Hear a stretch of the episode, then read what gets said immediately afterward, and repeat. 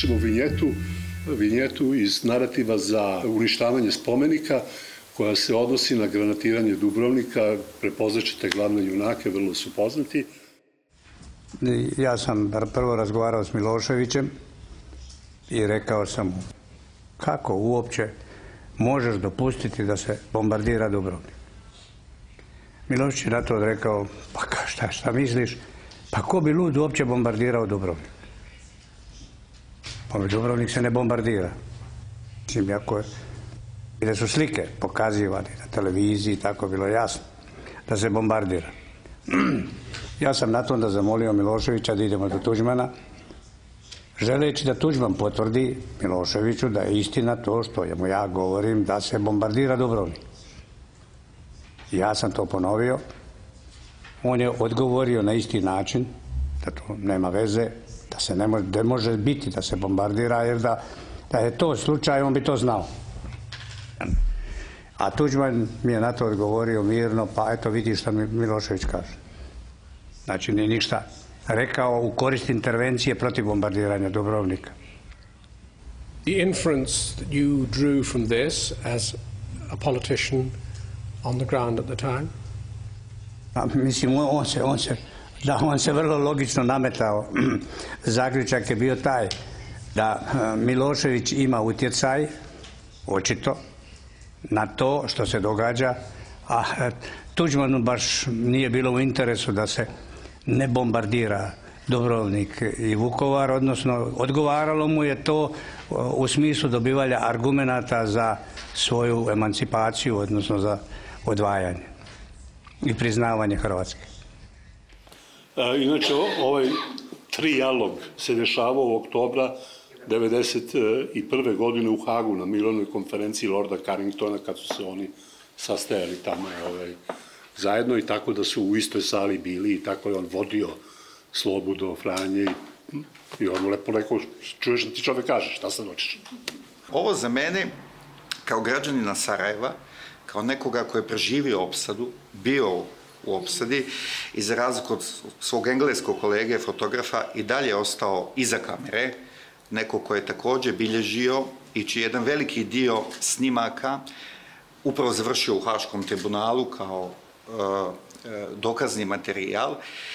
Za mene to nije ništa novo, jer smo bili suočavani sa tim falsifikatima grubim koji su bili a, uvredljivi, necivilizovani i ja sam mislio da je to spada u domen ratne propagande.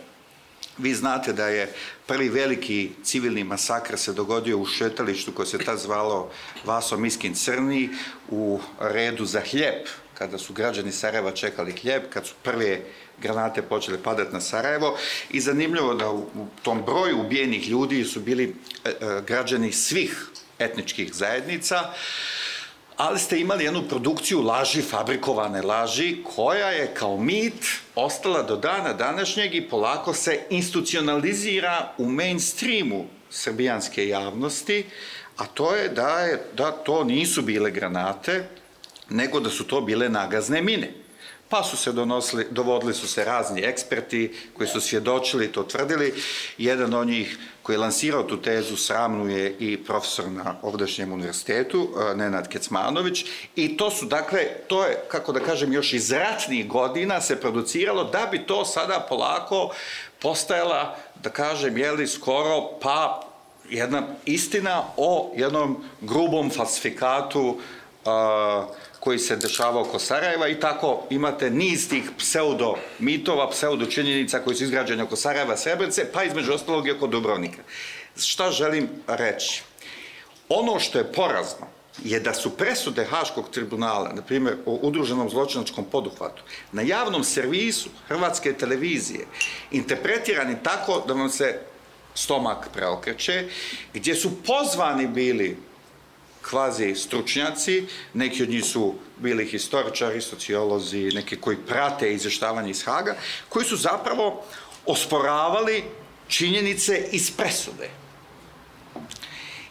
I umjesto da se ono što se dogodilo sa presudama Haškog tribunala, da su one ostavile nama prostor ovdje za jednu etičku, moralnu refleksiju onoga što se zbivalo o ratovima 90-ih, oni su nažalost postali novi, kažem, kamen spoticanja onih koji ne priznaju sudske presude i činjenice, ovisno naravno o tome na koga se ta sudska presuda odnosi. Moram reći da to nije samo isključivo vezano za Hrvatsku, to se može skoro pa ponabrojati u svim etničkim zajednicama, što mi svjedočimo svakodnevnim rehabilitacijom a, a, vinovnika, protagonista ratnih politika. Prije neki dan je u Banja Luci, u parku gdje su, gdje su spomenici od e, Skojevicima, komunistima, partizanima, od Vesel Masoše pa nadalje, podignuti spomenik Nikoli Koljeviću. Vi znate da je Milorad Dodik otvorio studentski dom na Palama, Radovan Karadžić i tako dalje. Sad bi mogao to, da, da, to, je, to je dakle ta memorializacija koja je memorializacija zločina, a ne memorializacija žrtava, govori da mi nikada nismo izašli iz tog ratnog narativa. Nažalost, mi još nismo se dogovorili nijeko narativa iz 40-ih, e, ne da možemo reći da se, bez obzira što su u, druga, u drugom ideološkom sadržaju, ali prepoznajemo određene politike, ideje, ideologije koje su vrlo vidljive iz drugog svjetskog rata, A paradoks je bio opet u gradu u kojem ja živim, jeli Sarajevo je grad zgusnute istorije, kada smo proslavljali ili obilježavali 100 godina rata i mira, tad sam vidio da se još nismo dogovorili ni oko prvog svjetskog rata. E, ali hajde samo što se mi nismo dogovorili. Ono što me jedino obradovalo utješilo je da je pukla i francusko-njemačka koalicija, ni oni se nisu dogovorili, imali su dva odvojena skupa po pitanju ovoga prvog svjetskog rata. Postoje pravne a, odluke koje su donijeli sudovi, Postoje, međutim, osim toga političke odluke iz političke sfere i postoji u krajnjoj liniji još jedna, to je akademska sfera, treća. I ja mislim da je e, opasno za društvo, jer bi vodilo u totalitarne tendencije, da se naruši autonomija tih triju sfera. E, to znači, na primjer, ako je neki sud nešto presudio, E, naravno u pravnom smislu osoba je osuđena i ona je krivac ili ako je presudio tako da je ona oslobođena, ona nije krivac i oslobođena je. Ali to, i to se mora uzeti u obzir, ali to ne obavezuje ni političku, ni akademsku sferu da slijede sudske odluke.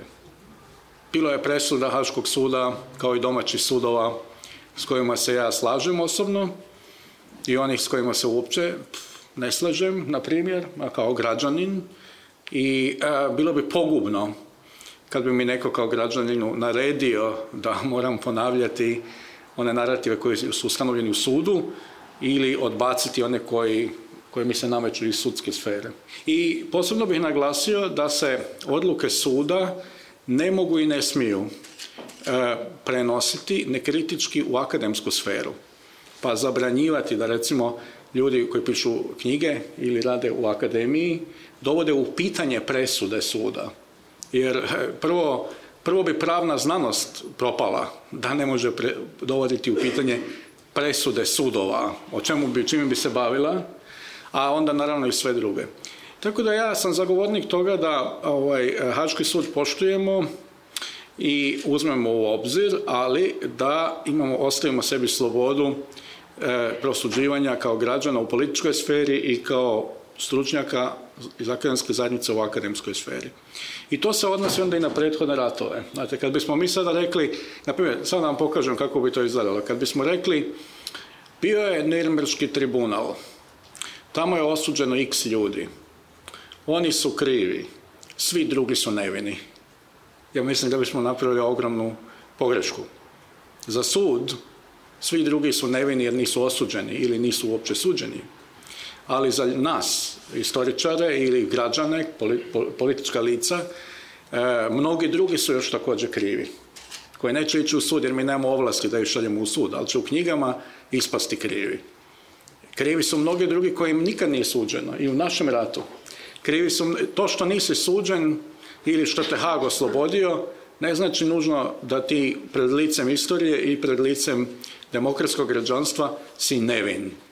Prema tome, ja bi održao te tri sfere odvojenima, dozvolio veliki pluralizam i radio na tome da eh, razvijamo taj tip racionalnosti i moralnosti koji će nam pomoći da svaki građanin sam za sebe procjeni da je nešto potpuno neprihvatljivo i krivo, bez obzira na sudske presude ili njihov nedostatak. Ja bih veliki deo ovoga što je rekao eh, profesor Jović eh, podržao. S tim što mislim da ipak eh, politiku i političare, naročito oni koji se nalaze na odgovornim državnim funkcijama, njih ipak te odluke Haškog suda obavezuju. Prosto prihvaćene su ingerencije tog međunarodnog tribunala i one bi morale imati nekakav odjek u tim društvima, odnosno u državama koje su naprosto ingerenciju Međunarodnog suda e, za bivšu Jugoslaviju prihvatile. E, u delu koji se odnosi na akademsku javnost, ja se sa tim potpuno e, slažem. Mislim da Pa evo, ja se prvi ovde stalno bunim protiv tih rehabilitacija i odluka koje su, jeli, odluke sudova države ove Draže Mihajlovića, pa ne znam, svih onih koji su prošli taj uh, postupak, tako da slažem se, e, ne bi trebalo da, da obavezuju akademsku e, javnost, ali postoji jedan drugi nivo koji mene dodatno e, brine, a koji u suštini proizlazi iz tih identifikacija nacionalnih ili još preciznije etničkih i mislim ja sam negde toga postao svestan suočavajući se sa pisanjem i tim svedočanstvima Dobrice Ćosića. Ona na jednom mestu kaže o tim dešavanjima na Kosovu, te paravorne srpske jedinice bile su najgore bande koje je Balkan video, stavljali su Albance u vagone i preterivali preko granice i tako ali kaže ja sam srpski pisac, mene zanima sudbina mog naroda. E, e on će kažem, tako će vrlo često da i suočen sa činjenicom, čak pristajući na činjenicu neko da kaže pa dobro jeste, ali ovo je moj narod, ja se sa tim identifikujem, neću da trpim uh, E, posledice zbog, e, zbog nekog drugog. Možda se to i dogodilo, čak prihvatam da jeste, ali na kraju krajeva e, imam neki e, važni etički nalog, istorijski i tako dalje, koji proističe iz moje identifikacije. I ja mislim da smo onda poprilično zatvorili e, neku perspektivu i onda zapravo ostaje samo ta mogućnost i ja sam prilično siguran da je to najdalje Dokle mi sad možemo da dobacimo, ako smo pristali na legitimnost svih tih, jeste Srebrenica, genocid, ali znate, bio Jasenovac, pa sad bila Hanđev divizija, pa sad, i to je važno. I onda je u tom ukupnom odnosu na Balkanu, mi ćemo da kažemo, meni je to važnije. Mi nemamo nikakav aparat kojim ćemo da kažemo, pa da, ali čekaj, nije, ne možemo te stvari povezivati. Neko misli da može i da treba. I sad, kako ću ja da to do kraja argumentujem. Mislim, prosto, da. uh, mi se uvek uvlačimo u te uh, identitetske priče, istorijske narative i kažem, u tom slučaju zaista najdalje, po mom uverenju što možemo da dobacimo je neki konsenzus da je potrebno sarađivati, da je potrebno to neko pomirenje, pa makar i na toj platformi da svako ima svoj pa da, paralelni narativ. Postavlja pitanje šta je sadržina pomirenja i sadržina konsenzusa ako nemamo, kako da kažem, ako nismo prihvatili da smo, mi, da smo i mi zločinci, jel? Jako je teško. Mislim da uh, će biti uvek dovoljno u društvu onih koji će uh, uvek prihvatati odgovornost zajednice sa kojom se identifikuju. Mm -hmm. I ono što je, mi se čini da je ipak činjenica da uh, te podele zapravo nisu, iako su primarno idu po tim nacionalnim linijama, uh, Uh, mislim da ćemo Dino i ne znam, neke, da ne imenujem sad kolege iz Zagreba, da. sa Kosova, imati mnogo sličnije poglede nego neki naši kompatrioti ili ne znam, da. Eh, suplemenici ili šta znam. Tako da, mislim da to treba da postoji. O, rekom, eh, nevladine organizacije, organizacije civilnog društva su radile ogroman posao. Ja bih kažem, dok, dok se budem bavio ovim poslom i ovim pitanjima, radit ću u tom pravcu, eh, jer verujem u da. činjenice, u, u njihovu važnost, ali prosto ne mogu da se ne suočim sa realnošću da se to jednostavno odbija od, od, od društva koje ne želi uvek to da prihvati. Mnogo je teže u multietničkim društvama, pogotovo u postkonfliktnim, a znamo koja je koncentracija zla se dogodila u Bosni i Hercegovini, odvajati tako striktno te sfere. Ja da pače, ja mislim, ja sam vidno, ja sam pobornik, ja na primjer mislim da bi trebalo na nivou države Bosne i Hercegovine donijeti jednu zakonsku odredbu u kojoj će se poricanje sudskih presuđen činica od nosioca izvršne i zakonodavne vlasti spriječiti. Zašto to, zašto to ovaj govori? Pri svega u Bosni i Hercegovini postoji još uvijek u tužilaštvu Bosne oko 10.000 slučajeva individualnih slučajeva za ratne zločine koji još nisu procesuirani. Očigledno je, jasno nam je da veliki broj direktnih krivaca, vinovnika neće ni odgovarati. Statistički gledano, kada sjede četiri muškarca za stolom u Bosni i Hercegovini, jedan je krvavi ruku. Dakle, tamo se dogodi jedan strašan teror i zločin. Mi moramo govoriti o budućnosti, mi moramo govoriti o generacijama koje su vrlo izgubljene i dezorijentisane. Mi govorimo sada o generacijama koje, kada gostuju sa vama u emisiji, takođe citiraju akademsku javnost i kažu, izvinite, Draža Mihajlović je bio antifašista, to je zava, to je vaša istina, vi ste titoista i tako dalje. I vi ste sada na jednom, eh, jednoj situaciji u kojoj se uvijek ubjeđujete o stvarima koje su, dakle, više puta dokazane i argumentirane. Mislim da je to, takođe postoji umjetnička javnost, kult, sfera, kulturna, koja je srušila te trans, etničke distance, u kojoj su napravljeni vrlo katarzični filmovi, romani, predstave koje su nas suočavale sa traumatičnim a, a, dijelovima naše prošlosti i kolektivne savjesti i odgovornosti. I mislim da moramo biti vrlo pažljivi o tome kada govorimo o toj autonomnosti ili slobodi u javnom prostoru u interpretiranju činjenica, jer ovde se ne radi interpretiranju činjenica, ovde se radi o uvredama žrtava, i pre to su uvrede, to je necivilizacijski odnos prema mrtvima. Pazite, to je, politički, to je politički diskurs. To nije akademski diskurs. Način na koji se govori danas o zločinima u Jasenovcu Vukovaru, Dubrovniku, Srebrenici je e, vrlo vredljiv za žrtve koje su preživele Golgotu e, i 90. i iz drugog svjetskog rata. Dakle, To su po meni stvari koje se moraju diskutirati u javnosti, u koje se očekuje pomoć upravo akademske sfere, umjetničke sfere, civilnog društva, da se, na, da se pre svega taj govor mržnje i kulture poricanja Jer pasuje, to je sada jedna trodecenijska kultura laži i poricanja, koja se naravno reflektuje i na drugi svjetski rad. Imam jedno pitanje. Većina građana i građanki veruje ili, ili stanovnika veruje političkim elitama kada je reč o događajima iz prošlosti. Je li tako? Tu sad ulazimo u jednu drugu sferu koja mene muči već neko vrijeme, to se zove amaterokratija. A radi se o sljedećem. Dakle, mi smo ušli u jedno e, postmodernističko vrijeme u kome anything goes. To je jedno. Drugo, znači gdje smo relativizirali činjenice za korist interpretacije i slobode interpretacije. I ako smo to napravili, onda je e, nemoguće, moguće, moguće, nemoguće, crno-bijelo, bijelo-crno i ostalo, dakle ušmo jednu sferu u kojoj smo doveli u pitanje osnovne temeljne pretpostavke prosvetiteljstva u krajnjoj liniji. I e, drugo, mi smo razrušili sistem koji je bio usmjeren na, e, na vizijama i na ideji da je reč o naučnom sistemu, sjećamo se faza naučnom socijalizmu, i prešli na sistem u kome je bitno predstaviti realnost kroz izbore. E, a to znači da nam više vizionari, na primjer intelektualci, na primjer ljudi od struke, koji znaju i procijeniti u kom smjeru se kreću, gdje su opasnosti i gdje su, kojim smjerom bi trebali krenuti, E, nisu potrebne. Tako da onda uloga samih intelektualaca u demokratskim sistemima je mnogo manje nego što je bila u vizionarskim Jasne. sistemima.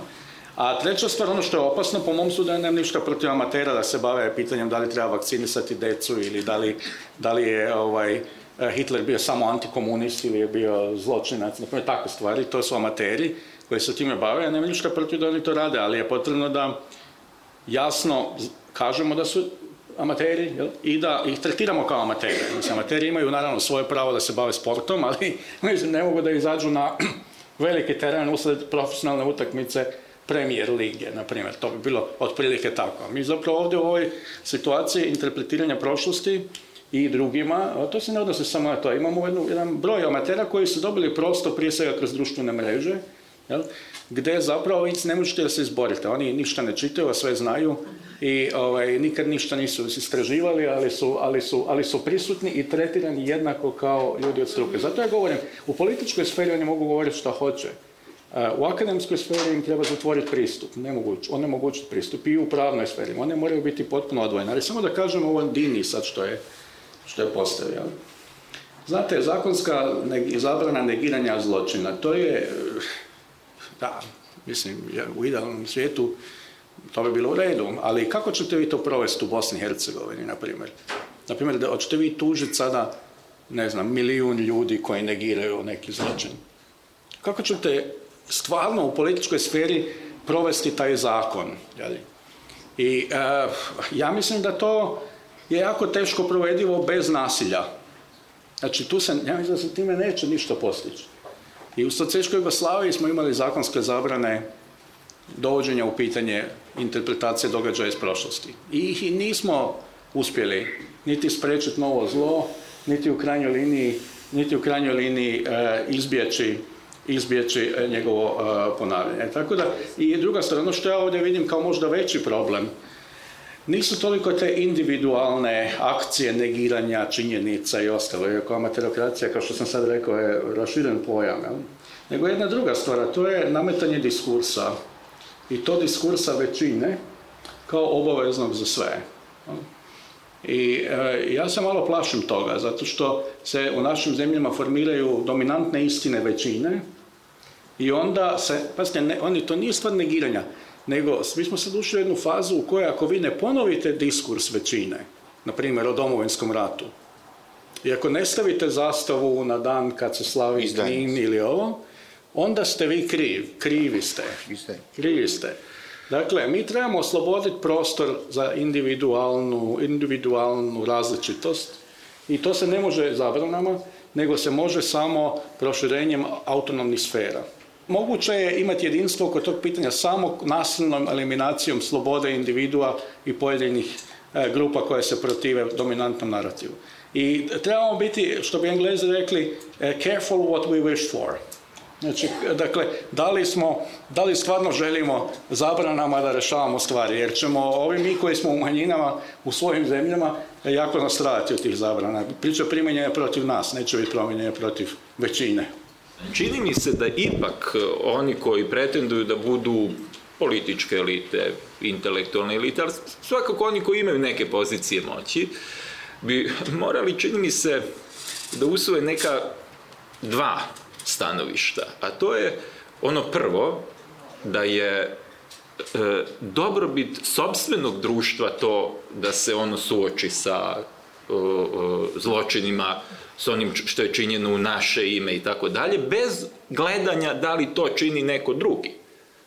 Ako je to nemoguće, onda imamo ovu, kažem, rezervnu varijantu, je to da prihvatimo mogućnost da. da ljudi o tome misle drugačije i da kažemo, eli, to je onda ona dosadna floskula, okrećemo se budućnosti. Prvo, ja mislim da jeste, nažalost, mi živimo to jedno post-postmoderno društvo u koje je sve, dakle, dovedeno u pitanje, pa samim tim i istina, jeli, i činjenica, Meni je mnogo drag Jan Kot, teatrolog i šekspirolog koji je rekao nakon moderne i postmoderne ostaje još postmortem jedino. Jel? Dakle, to je, to, to je iz ovog umjetničkog aspekta. Međutim, ono što ja želim da naglasim ovdje, to je e, koliko je ugrožen krki mir u zemlji s koje ja dolazim, ako taj ratni narativ i dalje se generira iako se on transgeneracijski sada prenosi.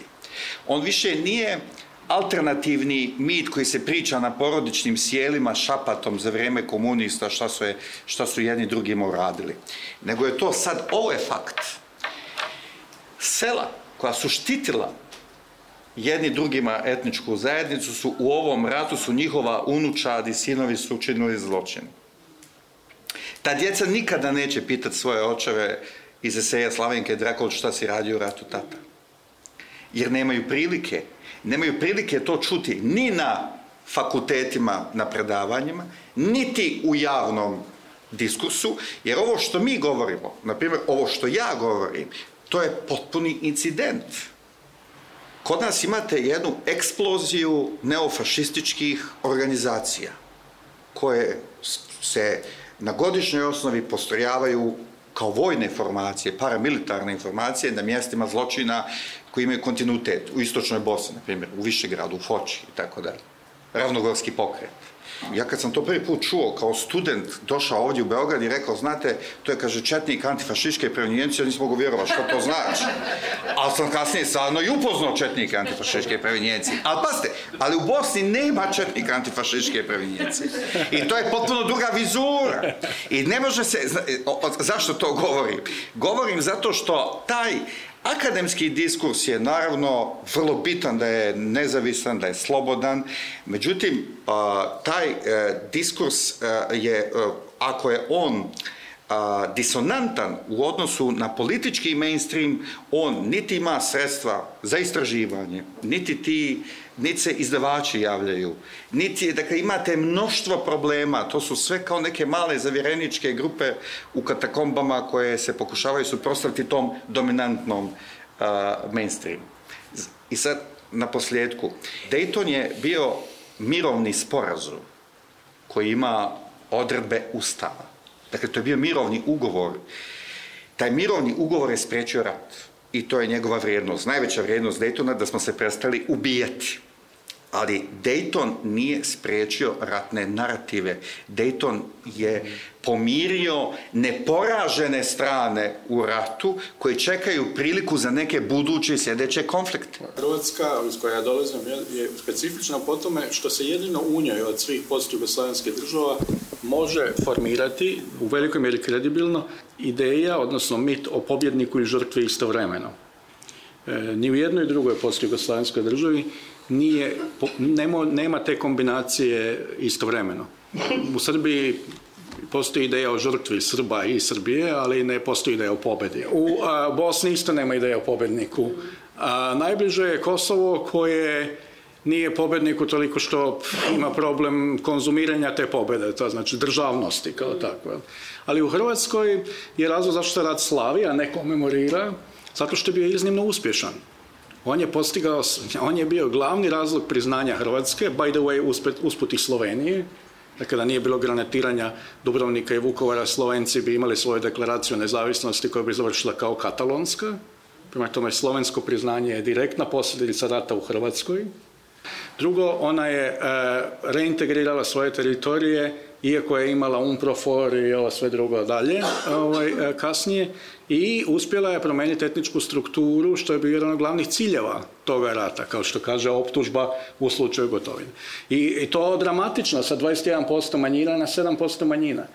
Ali nije to sve. Dakle, taj ratni narativ ima puno razloga da se, da se slavi i da se rad Slavija ne komemorira i doživljava kao najsvjetliji događaj u hrvatskoj hiljadugodišnjoj povijesti, moment ujedinjenja i golden age, sve odjednom.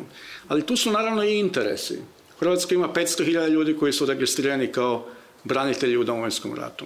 Na sad, mislim, da je bilo 500.000 ljudi, što bi rekao drug Tito, da sam imao toliko vojnika koliko članova subnora, osvojio bi Beč 41. Ali nisam, ali e, 500.000. Ti ljudi ne žele da se prestane govoriti o ratu, sigurno. Onda druga stvar je, postoji ideja kod političke elite da je interpretacija, bitka za interpretaciju rata treća faza rata. To je Vladimir Šeks direktno rekao. Znači, bdije se nad interpretacijom. I onda, osim toga, tu dolazi nova generacija koja se prema tom mitu o interpretaciji o ratu, koji nije dio njihovog iskustva, jer su rođeni poslije njega, odnosi onako kako smo se mi odnosili prema NOB-u. A to znači, mi ponavljamo te rituale, da, da. ali da li u njih verujemo ili smatramo da je pustimo više s tim, to je druga stvar. Svi smo slavili slavne bitke iz drugog svjetskog rata, niko nije bio protiv, ali kad je došlo stani pani, urušilo se kao kula od karata. I ova generacija zadrtih mitmakera i identity dizajnera e, u Hrvatskoj vidi da se događa ta jedna ritualizacija i ispražnjenje od sadržaja, ali ne od forme interpretacije rata I zabrinuto je zbog toga pokreću novi val ideologizacije, pa se dižu spomenici Tuđmana, pa se mi na aerodrom, pa se rade filmovi, pa se intervenira u kurikulum i ostalo. To je isto radila i socijalička Jugoslavija kad je osjetila da dolazi nova generacija.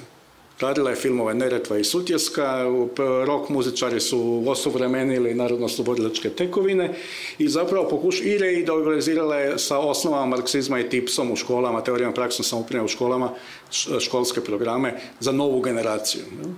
I e, to je situacija. Zato imamo taj rat e, neprekinuto. A zadnje je sljedeće, to što čak ni u Hrvatskoj nisu svi zadovoljni rezultatom toga rata. A koji nisu zadovoljni? Nisu zadovoljni oni koji na dom gledaju kao na domovinu, na domovinu kao na dom i koriste to za dom spremni. Baš zato zbog usporedbe s tim. Na primjer, ako ste vi vlasnik 94% svoje kuće, ali imate 7% ovih neprijatelja, gostiju, dos, okupatora u kući, jeli? vi još uvijek ne raspolažete 100% svojim vlasništvom i prema tome niste suvereni. Sve dok vi ne imate cijelinu od 100% nad svojim domom, vi se osjećate da ste zakinuti i da ovi kontrolišu vaših 94%. Ta interpretacija je naravno totalitarna, ali je i dalje prilično snažna i prema tome očekuje novi sukob. Na ovaj ili način, sprema se za novi sukob. Mislim, kad bi pukao ponovno međunarodni poredak i raspala se država koja je jedina u stanju sprečiti rat svih protiv sviju, mi bismo ga ponovno imali. I u tom smislu, samo da završim, Dino, potpuno se sad slažem s tobom oko ovoga, ja mislim da je granica u sljedećem. Svako ko zagovara nasilje ili ga organizira ili ga potiče, treba biti kažnjen od strane države za nasilje. Ko šta priča, neka priča. Tako.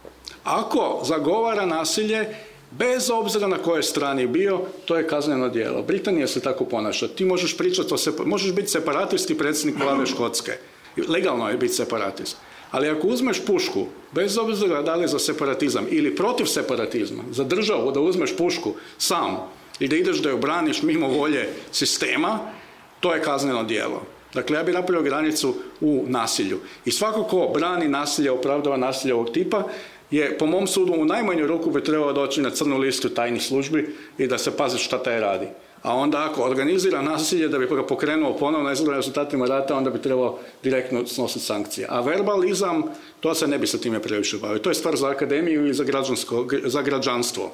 Mi živimo zapravo reprodukciju istih tih uh, uslova koji su uh, do rata i, uh, i doveli. To je to društvo na E, periferiji tog razvijenog e, sveta koji jednostavno živi u toj svojoj bedi, siromaštvu, e, tim izrazito ovaj, nepovoljnim unutrašnjim odnosima u jeli, preraspodeli dobara, onoga čime, čime ta društva raspolažu i prosto to je jedna, jedna situacija koja se reprodukuje, ali ponavljam, ne treba zanemarivati ovaj ideološki narativ koji naprosto se iz, sva, iz dana u dan ovaj, oživljava, osnažuje, e, hrani jedan drugi, ali koji god da je u, u pitanju narativ e, da li hrvatski, albanski, srpski i tako dalje jednostavno e, dokle god mi nismo te uslove koji, u kojima je moguće da se rađa ta atmosfera i da se obnavljaju takvi uslovi, mi nećemo iz toga izaći.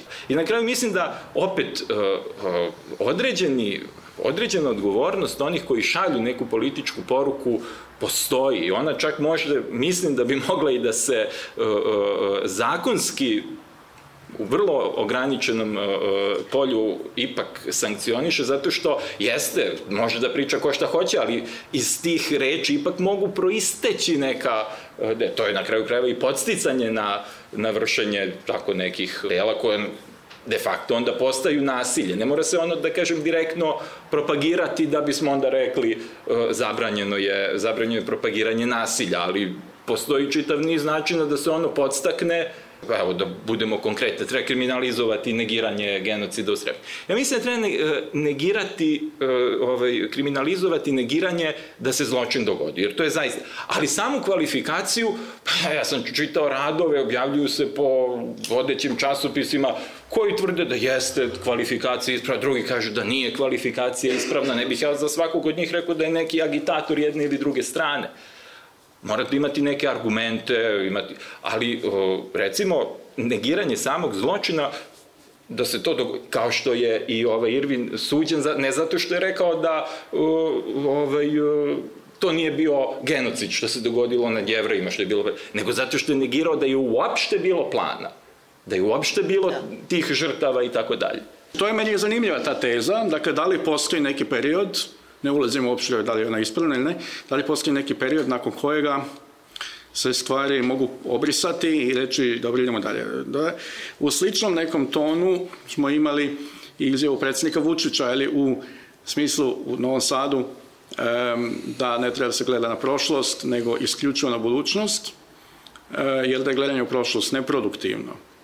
On je bio slučan s jednim pitanjem iz publike jednog mladoga kolege, koji je rekao, ali vi to ne radite jer vi financirate kao država knjige koje govore o tuzlanskom nekom tamo slučaju.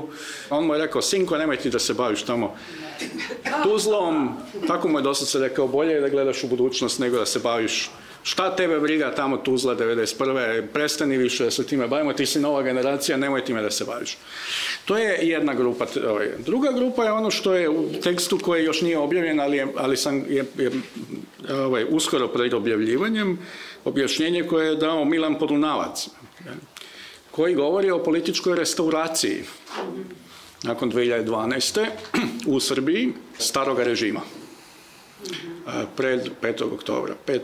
5. oktobar. Ako dolazi do političke restauracije starog režima, sa sve akterima starog režima i partijama starog režima pod novim imenom, onda nije čudo da dolazi do revizije interpretacije koja je bila dominantna od 2000. do 2012.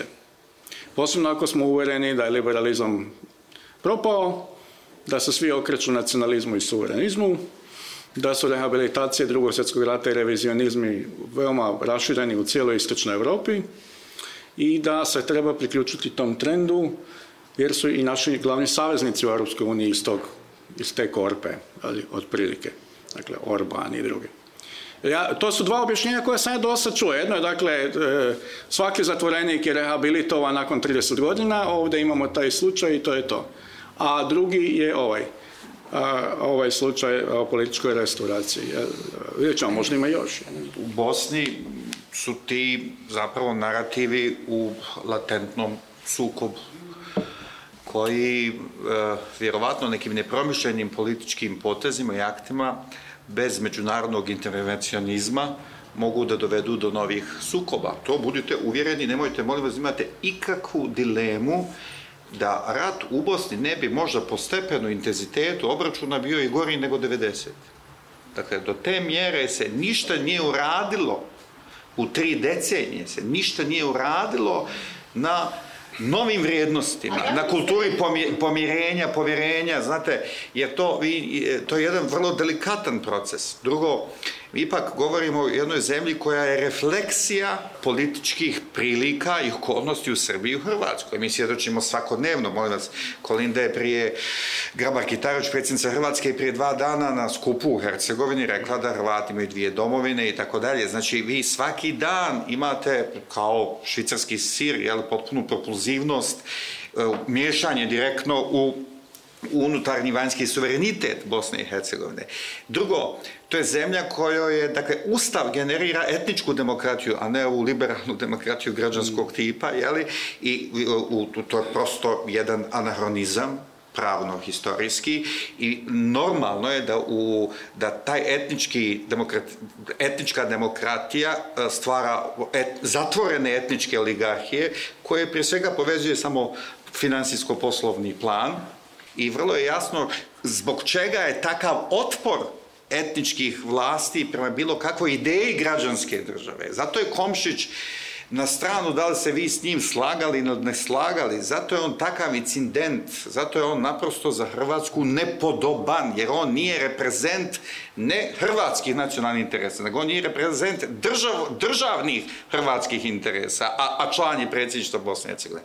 E, to je jedan od rijetkih slučajeva da imate kolektivnog šefa države gdje, gdje ljudi sjede, primaju platu, da osporavaju suverenitet te države u kojoj ovaj žive. Vi ne znam da li to znate, dakle, bosanski parlamentarci su na nivou plaćenosti daleko većim e, e, e dohodku nego i u Srbiji i u Hrvatskoj, da. čak su u Bunde, kao, kao u Njemačkoj, otprilike, to sam provjerio, znači oni, to su strašni novci gdje jedini zadatak dobijete da idete i da osporavate kako da ta država može da profunkcioniše. I onda se naravno pod velikim međunarodnim pritiskom i da tu nemamo dileme, dakle Bosna i Hercegovina je jedan leš je li, na kisiku, na aparatu koje čuva međunarodna zajednica. E sada, ono što, ono što je bitno, To je, to je pitanje da li postoji sad alternativa.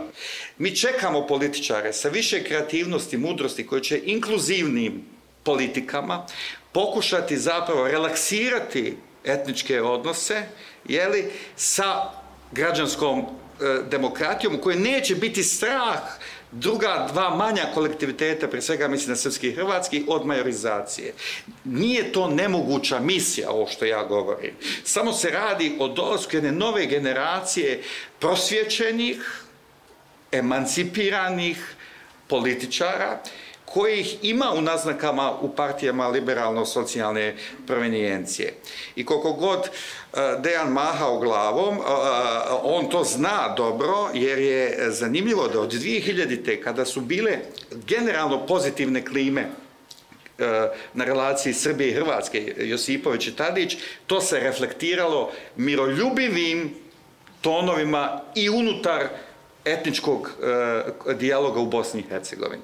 Drugim riječima, zašto mene više skoro zanima vaša dnevna situacija ovde u Srbiji i u Hrvatskoj? Pa zato što sve zavisi kako kod vas će biti, tako će se dogoditi kod nas. Mi nećemo imati mira dok u Beograd i Zagreb ne budu demokratske e, centri. Mi nećemo imati mira, mi u Bosni i Hercegovini. Mi smo posljedica zapravo e, Bosna i Hercegovina, nažalost, posljedica eksigoslovenskog sukoba i srpsko-hrvatskih odnosa jer moje mahanje glavom je samo bilo usmjereno na tu mladu generaciju. Ja, ja znam jako puno ljudi koji bi bili izvanredni lideri iz mlade generacije i mnogi su veoma hrabri i ja sam oduševljen s tim inicijativa mladih, to što radi to je fenomenalno i fantastično. Nažalost, ne znam da li će oni uspjeti da osvoje vlast u sljedećim godinama ili neki još gori e, vagabundi, lunatici i ludaci i u, iz nove generacije kojih ne manjka je također. Ne, znači, ali ako, tako da, ja, ja, ali tako da ako, da to je... Ali ako Evropska unija i dalje se bude ponašala ovako kako se do sad ponaša, neće doći u situaciju inače, ti mladi lideri, neće doći u situaciju. Ne, Oni su nemogućeni, ustavno su nemogućeni. E, ne, neće, ali samo za ovu alternativu za Bosnu mi smo objavili u političkoj misli zadnjem broju člana Kasima Mujikića, da, da. koji, e, ako nekoga zanima alternativa za Bosnu i Hercegovinu, e, on, pročujete taj tekst, jer to je jedna marksistička alternativa, to je, to nema, mnogo šansi. Ali čovjek ima pravo kad kaže čeka malo, napravio ste etno demokratije, mislim šta ste hoćete, vrtite se u krug, mislim šta da. ste drugo očekivali od toga. Napustili ste koncept radničke klase, Tako. radnih ljudi i građana i that's, that's it, to je posljedica toga. Ali zanimljiv je članak jer imamo malo marksističkih članaka u Bosni, mislim da nisam već vidio, dobro ima ovaj Nerzuk, ali pa i, piše, i pa cijelu ovu ekipu ima, našu zovu ima tako, par, ovaj, ja, ja, zovu na crvenik meri, tako da nije e. ništa da...